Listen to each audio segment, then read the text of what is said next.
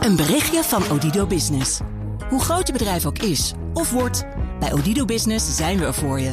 Met unlimited data en bellen en met supersnel en stabiel zakelijk internet. Ook via glasvezel. Ontdek wat er allemaal kan op odido.nl/slash business. Het kan ook zo. The Daily Move. BNR Nieuwsradio. Kees Dorrestein en Liesbeth Staats.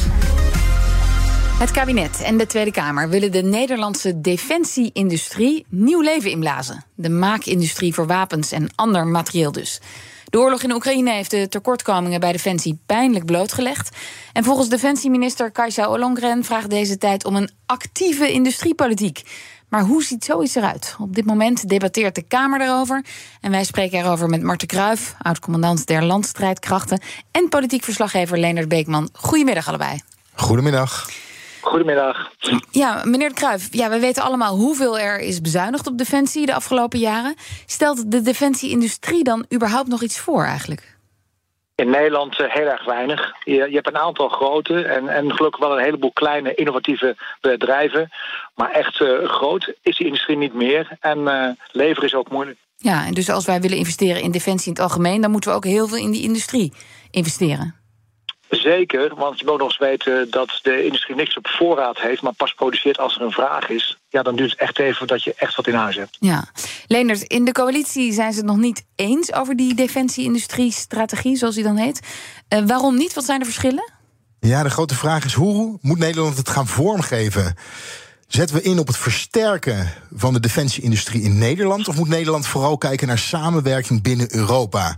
Nou, Peter Valstar van de VVD kijkt vooral naar de eerste optie. Ik vind dat er allereerst naar Nederland moet worden gekeken. En Nederland uh, is daar. Het is helemaal niet gek dat Nederland dat gaat doen. Uh, de Denen doen dat bijvoorbeeld ook. Die hebben onlangs uh, besloten 5 miljard vrij te maken voor de bouw van nieuwe fregatten.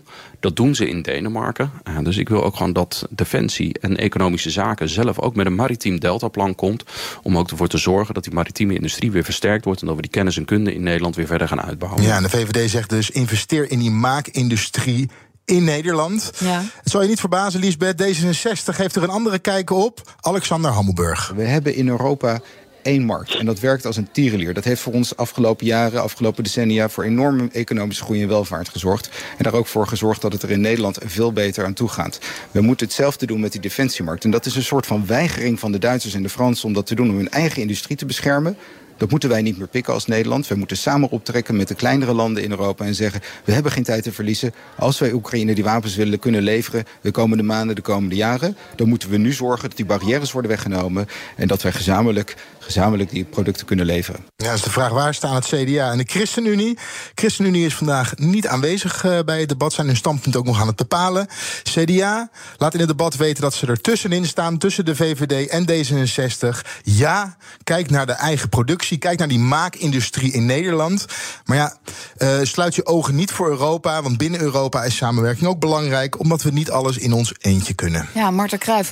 Kan Nederland het inderdaad wel alleen of levert dat sowieso te weinig op? En is het gewoon noodzaak dat we met andere landen optrekken? Als je kijkt op uh, uh, klein gebied, dan kunnen we heel veel. Hè. We drijven op Scania-voertuigen, worden gemaakt in Zwolle. We maken diepladers waar tanks op kunnen voor het Amerikaanse leger. Dus we kunnen best wel wat. Als je praat over grote wapensystemen, over vliegtuigen, over tanks en over schepen. Ja, dan kunnen we wel uh, schepen bouwen, maar binnen Europa moet je daar afspraken over maken. En precies wat ik zeg, dat is het probleem. Vijf jaar terug was er een soort dealopkomst dat we zouden zeggen... nou, Engeland gaat de schepen bouwen, Duitsland de tanks en Frankrijk de vliegtuigen. Tussen de grote industrieën. Ja. Die deal is niet doorgegaan. Dus als we wachten tot de Europese Unie hier uit is dan vrees ik dat we nog heel lang moeten wachten tot wat uit die pijplijn gaat komen. En die tijd die hebben we niet. Dus je moet er ook pragmatisch mee omgaan. En de Nederlandse en Duitse landmacht die gaan al samenwerken, dat was nieuws. Uh, dan klinkt het eigenlijk ook heel logisch om dan ook samen defensiematerieel te produceren en in te kopen misschien. Ja, inkopen doen we zeker. Dus alle behoeftes die wij nu hebben, die gaan we eerst even met de Duitsers kijken. We kopen precies hetzelfde. Dat is anders dan vroeger. We kopen precies hetzelfde. Uh, maar je kunt niet alles zelf meer maken in uh, Nederland. Dus bijvoorbeeld uh, vliegtuig F-35 kunnen we zelf niet maken. Dus daar moet je voor samenwerken. en daarnaast moet je goed kijken. als je als Nederland een vraag hebt in deze wereld, sta je achteraan. Wat moeten we zelf als Nederland kunnen? die vraag die moet ook worden beantwoord. Ja, daar gaat dat debat ook over over. Leonard, welke problemen kan Europees samenwerken dan verder nog opleveren? Ja, meneer de Cruijff zei het eigenlijk al. Het grootste probleem is dat op het moment dat je het aan de politiek overlaat, er heel veel gepraat gaat worden. Uh, dat merk je nu al in, uh, in het nationale parlement. Maar ja, als je, de EU, uh, als je het aan de EU overlaat, dan wordt er natuurlijk helemaal veel gekletst. Uh, Valstar van de VVD nog even. Nou, dat het nog langer gaat duren. Hè. Er zijn ook uh, genoeg projecten. En dat is niet alleen Europa, dat is ook bilateraal. Uh, we hebben de voorbeelden van de M-vergatten... die we samen met de Belgen gaan bouwen. zelfs dat loopt al af en toe op problemen uit. Want de wilde heeft de een net weer andere wensen dan de ander heeft. en zo zijn er nog tal van voorbeelden, ook met de Duitsers. Ja, en dan moet je je voorstellen dat je nog eens met 28 lidstaten moet gaan samenwerken... om bepaald hm. militair materieel te gaan verwerven. dat klinkt op papier altijd als mooie plannen. Uh, maar de werkelijkheid is altijd vele malen weer barstiger. Ja, en ook Christoffer van de SGP. En waarom noem ik hem nou? Ja, de SGP heeft altijd gezegd: blijf investeren in defensie. Maar ook zij willen niet te veel kijken naar de EU. Nee, niet Europees. Uh, ik vind dat je als land zelf moet kijken naar de kracht die je hebt. En we hebben heel veel uh, goede universiteiten, goede onderzoeksinstituten. Uh, waarmee je samen met het bedrijfsleven, dat MKB wat hier in Nederland zit, hele goede dingen kunt bouwen. En dan moeten we kijken of we dat natuurlijk ook binnen Europa uh, kunnen verkopen. Maar andersom zullen we ook een aantal onderdeeltjes uh, elders vandaan moeten halen. Dus vanuit een eigen sterke positie vind ik het goed om samen te werken. Maar niet roepen van laat me Europees aanbesteden. Want dan zit het dadelijk, als je ja, kijkt, allemaal bijvoorbeeld in Frankrijk. Ja, duidelijke taal. Nog eventjes voor uh, meneer De Kruijf. We hebben natuurlijk wel gezien dat de Kamer breed heeft gezegd... we moeten gaan investeren in defensie. Helemaal na vorig jaar, hè, de inval in Oekraïne. De NAVO-norm gaan we halen. Maar dan zitten we nu bij een toch wel belangrijk debat. Het gaat over de strategie rondom defensieindustrie. Een hoop geld mee gemoeid. En dan zitten er drie kabinetsleden. Dat, dat zegt natuurlijk genoeg over het belang daarvan.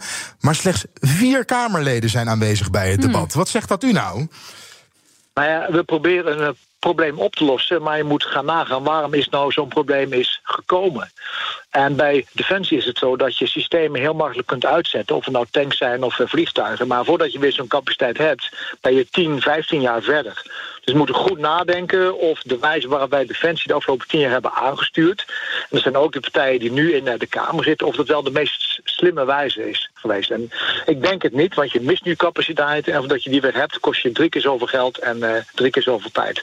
Daar moet je anders naar kijken. Maar u zei in het begin van het gesprek van ja, als er in die industrie geproduceerd wordt, dan is dat altijd. Um, op basis van een vraag en een aanleiding en niet van tevoren. Dus er worden geen voorraden aangelegd, tanks en zo. Maar dan ben je toch eigenlijk altijd te laat. Want als je het nodig hebt, dan moet het nog gemaakt worden.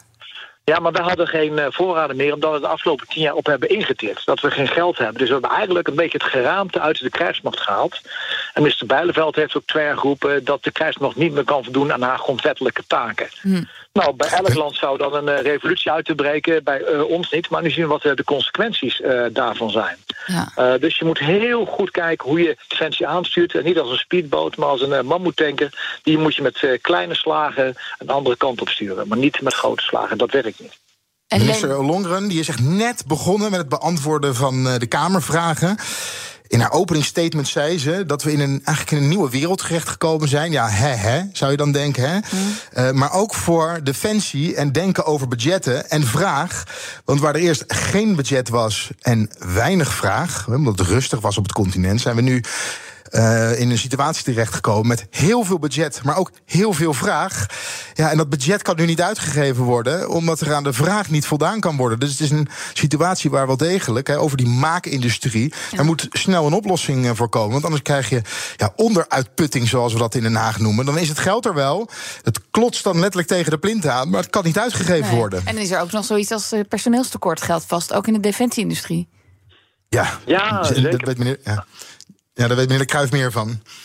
Nou ja, zeker in de industrie. Maar bij Defensie zelf is het meer een uitstroomprobleem. Want mensen gaan weg. Hè? Als voertuigen niet rijden, als er geen kogels zijn, als er geen voorraden zijn, dan gaan mensen weg.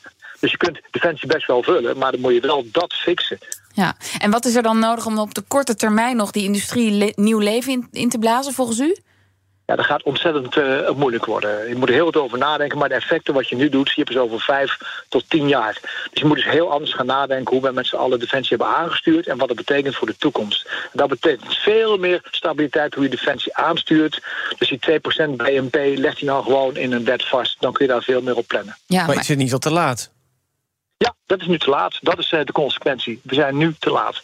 Ja, en we hebben ook niet te veel tijd, want als deze oorlog stopt in Oekraïne, dan over vijf tot tien jaar is die dreiging weer terug. Dus er is echt haast gewoon. En Leendert, ja, de urgentie die kan niet nou ja, beter getuind zijn, zeg maar, voor zo'n soort mhm. debat. Dus dan is iedereen het toch ook wel weer snel eens, of niet? Ja, dat zou ook één. Dat, uh, dat er maar zo weinig Kamerleden zijn, dat zou een reden kunnen zijn uh, dat, we de, dat ze het erover eens zijn. Kijk, de Kamer is het breed natuurlijk over eens dat er meer geld naar Defensie uh, moet gaan. Hè. Zelfs links is vorig jaar omgegaan. Maar hier wordt de fundamentele vraag gesteld hoe gaan we dat geld dan besteden? En ook, want meneer de Kruijf zegt al, het duurt vijf jaar voordat we de boel op orde hebben. Maar de magazijnen zijn leeg in Nederland. Uh, er liggen letterlijk geen, als ik het goed begrijp, geen kogels meer uh, zijn er in Nederland te vinden. Uh, dat moet op korte termijn aangevuld worden. En op het moment dat de Kamer daar een antwoord op wil formuleren, mm -hmm. dan moeten ze het kabinet wel een bepaald mandaat meegeven. Van, kijk naar die maakindustrie in Nederland of doe het op Europees niveau. daar wordt nu over gepraat. Dat zal op op, uh, op korte termijn zal er ook een beslissing uh, over of opgenomen een beslissing moeten komen. Ja, en daar uh, moeten ze het over eens worden in dat debat, wat dus net begonnen is. Dank jullie wel, Marten Kruijf, oud-commandant der landstrijdkrachten en politiek verslaggever Leendert Beekman in Den Haag. Bedankt. Een berichtje van Odido Business. Hoe groot je bedrijf ook is of wordt, bij Odido Business zijn we er voor je. Met unlimited data en bellen en met supersnel en stabiel zakelijk internet. Ook via glasvezel. Ontdek wat er allemaal kan op odido.nl/slash business. Het kan ook zo.